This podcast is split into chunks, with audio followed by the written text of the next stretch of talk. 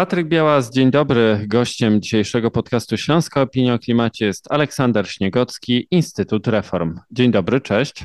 Dzień dobry. Wczoraj Międzynarodowa Agencja Energii ogłosiła taki raport, jak Unia Europejska może uniknąć niedoborów gazu ziemnego w 2023 roku. Co w tym raporcie możemy przeczytać i dlaczego już dzisiaj, w przededniu zimy w 2022 roku, zastanawiamy się nad tym, co w 2023 nas czeka? Tak więc są dobre i złe wiadomości. Może zacznę od złych.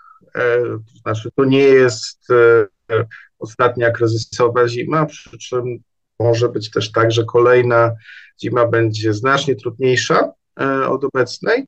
E, co wynika z tego, że mm, jeśli chodzi o wyłączenie dostaw e, gazu z Rosji, to e, kolejny rok będzie trudniejszy, bo cały rok może być ryzyko takie, że nie będzie żadnych dostaw gazu z Rosji. W tym roku, przynajmniej przez pierwszą połowę, mieliśmy dosyć cały czas istotny import tego surowca z Rosji. Na przyszły rok powinniśmy już zakładać, że tego surowca w ogóle możemy e, już nie dostać jako cały kontynent, co wpływa na bilans e, popytu i podaży. E, do tego dochodzi dostępność gazu na, z innych kierunków, szczególnie właśnie tego gazu LNG, którego Europa teraz potrzebuje więcej, żeby zamknąć tę lukę. I tutaj zwiększamy jako kontynent nasze możliwości importu, Natomiast po drugiej stronie jest jeszcze podaż gazu i ona rośnie powoli.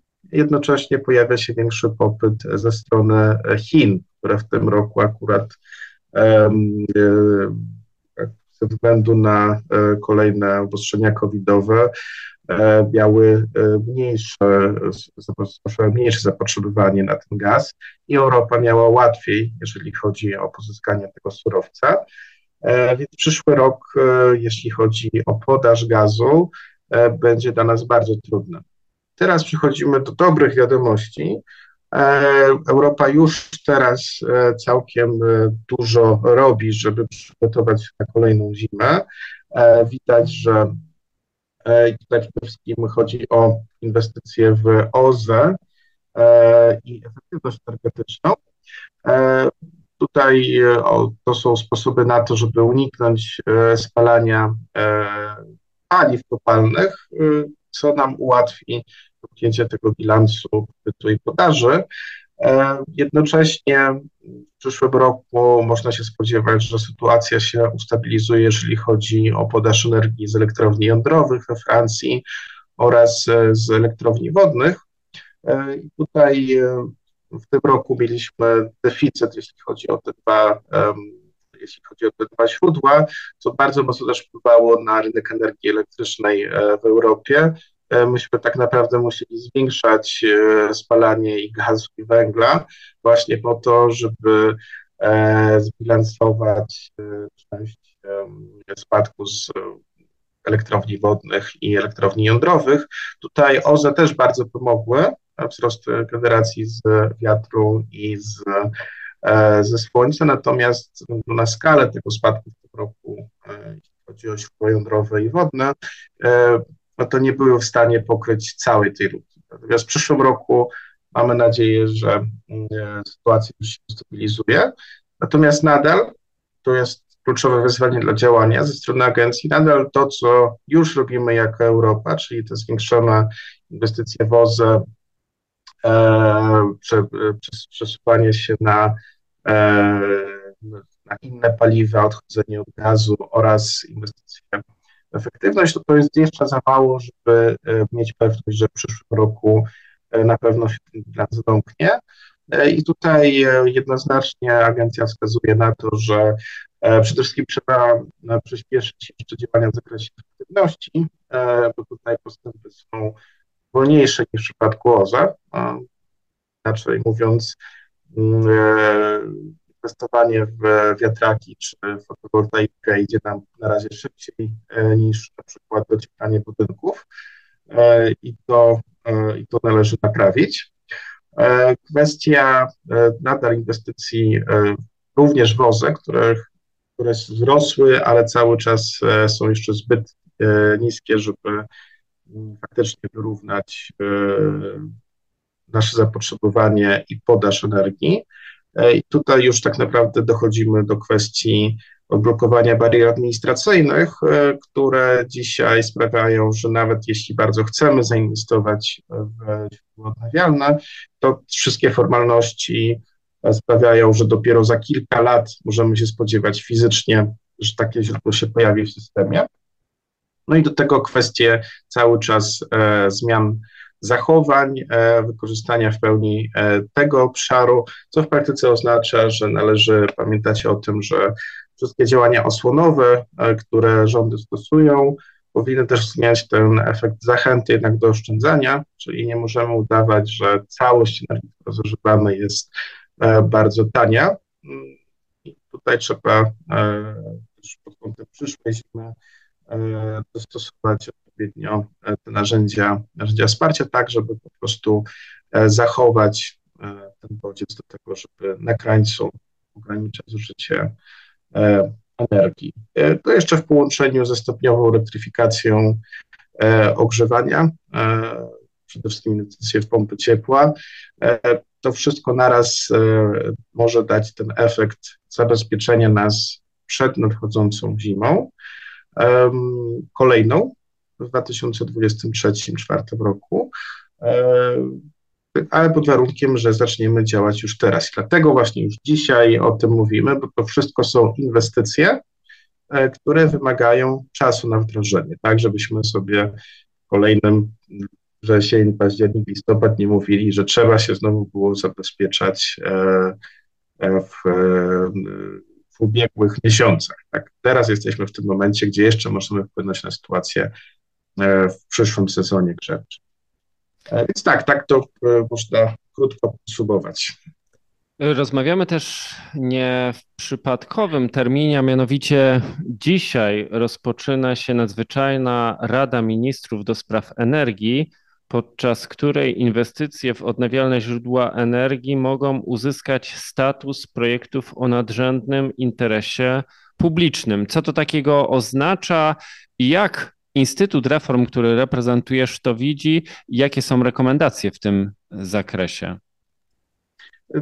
Tak, to jest e, ta część e, e, Rady Szczytu, które co do zasady mniej miejsca w dyskusjach na ograniczeniu cen gazu, czy, czy takich krótkookresowych rozwiązaniach, natomiast tutaj faktycznie mamy do czynienia z bardziej strukturalną odpowiedzią, te rozwiązania, nadanie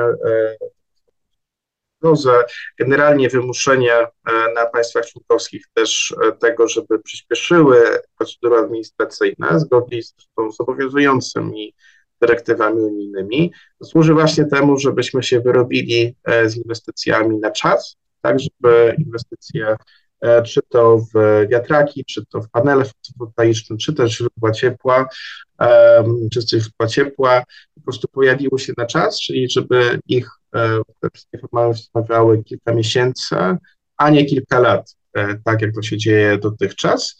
E, I tutaj warto też zaznaczyć, że ta dzisiejsza, dzisiaj dyskutowana inicjatywa to jest takie rozporządzenie awaryjne, które bardzo szybko wchodzi i ma obowiązywać przejściowo E, do pojawienia się bardziej systemowych ram w ramach w dyrektywie, e, czyli dzisiaj odblokowujemy bardzo szybko, bardzo prosty sposób inwestycje, które już są um, zaawansowane, rzut inwestycji, które nam mają domknąć e, e, ten bilans energetyczny w najbliższych, w najbliższy rok, dwa.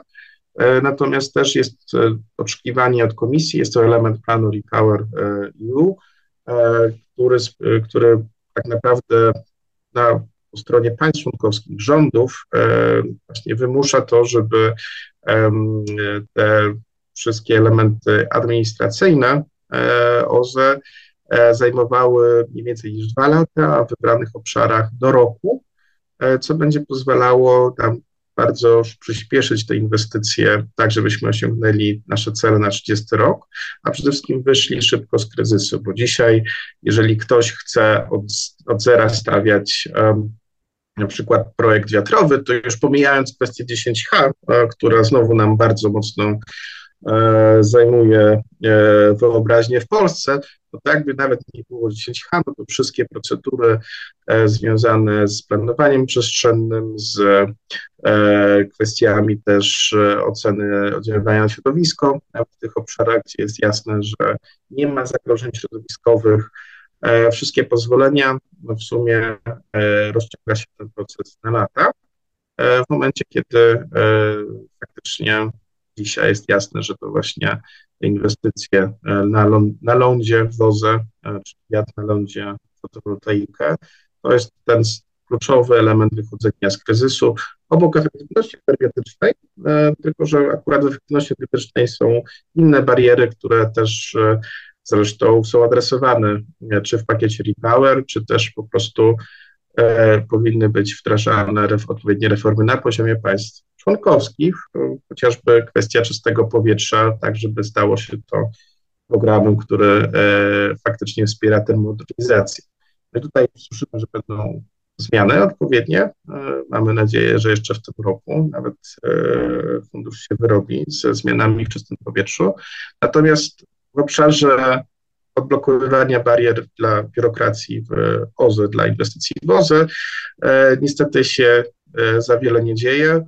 10H e, cały czas i w zamrażarce, zresztą raczej jest jeszcze osłabiana ta zmiana, będzie trudniej budować wiatraki niż się spodziewaliśmy. I nikt w ogóle nie rozmawia o tym, jak jeszcze ułatwić, przyspieszyć procedury, jak zainwestować. To żeby też administracja publiczna mogła szybko, um, szybko przerabiać wszystkie, wszystkie formalności, chociażby kwestia cyfryzacji czy inwestycji w kadry, tak żeby po prostu to się ciągnęło długimi miesiącami. E, raczej idzie to w drugą stronę, e, dokładanie kolejnych obciążeń administracyjnych. Ja wiem, że to są tematy, które e, są na pewno mniej angażujące w takich codziennych dyskusjach niż zakazy, nakazy albo jakieś ograniczenia cenowe. Natomiast na koniec dnia to jest właśnie to, co odróżnia naszą przyszłość taką, w którą będziemy mieli dużo tych źródeł energii, które się pojawią na czas i taką, gdzie będziemy po prostu funkcjonowali w warunkach permanentnego kryzysu, E, więc ja zachęcam wszystkich do śledzenia tematu, e, a też e, warto też pamiętać o tym, że jak przy budowie jakiejkolwiek infrastruktury też będą się pojawiały kwestie środowiskowe, społeczne. Tutaj absolutnie nie chodzi o to, żeby o nich zapominać, tylko właśnie o to, żeby budować szybko i rozsądnie, priorytetyzując te obszary, gdzie wiadomo, że ten interes społeczny środowiskowy jest chroniony, gdzie po prostu jest sens stawiać wiatraki czy fotowoltaikę w pierwszej kolejności, e, a w takich bardziej złożonych e, e, przypadkach zapewnić, że ten cały proces wydawania pozwoleń, uzgodnień z lokalną społecznością jest prowadzony znowu efektywnie i z takim nastawieniem na znalezienie rozwiązań, a nie zablokowanie E, zablokowanie inwestycji, zablokowanie zmian, e, bo na to jako społeczeństwo nie możemy sobie pozwolić. Nie możemy sobie pozwolić na brak e, inwestycji w czystą energię, bo każde kolejne opóźnienie będzie nas kosztowało coraz więcej. To jeszcze chciałem zapytać, bo dużo w naszej rozmowie dzisiaj mówiliśmy o bezpieczeństwie energetycznym, e, o tych aspektach środowiskowych, ale skoro odnawialne źródła energii mają zostać uznane za nadrzędny interes publiczny, no to jakie korzyści społeczne i gospodarcze przyniesie nam, Polsce, rozwój odnawialnych źródeł energii? E, tutaj jest cały szereg korzyści. No, znowu kwestie poprawy bezpieczeństwa energetycznego, ale też e, miejsca pracy w łańcuchu dostaw, e, kwestie stabilizacji cen, obniżenia cen, e, też docelowo w momencie, kiedy uniezależniamy się od dostaw paliw kopalnych. Mamy też obniżenie cen też na bieżąco w momencie, kiedy jest więcej wiatru czy słońca w systemie, no to w tych momentach, kiedy wieje e, i, świeci, no to ceny nawet na rynku hurtowym widać, że spadają, mimo tego, że cały czas to powiedziało, że nie jest w Polsce. Tutaj warto pamiętać, że oczywiście nikt nie mówi, że od razu przechodzimy na 100% OZE w parę lat i tutaj cały system się nam będzie bilansował tylko na słońcu i na wietrze. Natomiast też e, w drugą stronę słychać często jakieś argumenty, gdzie się zaczynają zaczepiać, że e, no przecież są okresy, kiedy ani nie wieje, E, ani nie świeci. Oczywiście są takie okresy, da się nimi też zarządzać, w momencie, kiedy już będziemy mieli rozbudowany system OZE. Jest ileś sposobów, można albo produkować zielony wodór, można też uzupełniać to innymi technologiami, o których też zresztą mowa, na przykład elektrownia jądrowa, no to ona będzie dopiero za 10 lat w najlepszym wypadku e, i też nie będzie stanowiła podstawy całego systemu, tylko jakieś jedno uzupełnienie. Więc tutaj e, wszystkie te korzyści, o których, e, o których mowa, czyli miejsca pracy, czyli mniej emisji, więcej też lokalnych, lokalnej aktywności gospodarczej, dochody dla samorządów one są wszystkie, one się kumulują więcej w systemie, tym łatwiej nam nim zarządzać, jeżeli chodzi o zapewnienie dostaw paliw, tak żeby bilansowały system póki będą jeszcze konieczne, a później kolejnym krokiem jest wyeliminowanie w pełnej zależności od paliw kopalnych, domknięcie tych luk. No i tutaj musimy, żeby dojść do tego momentu, musimy działać krok po kroku.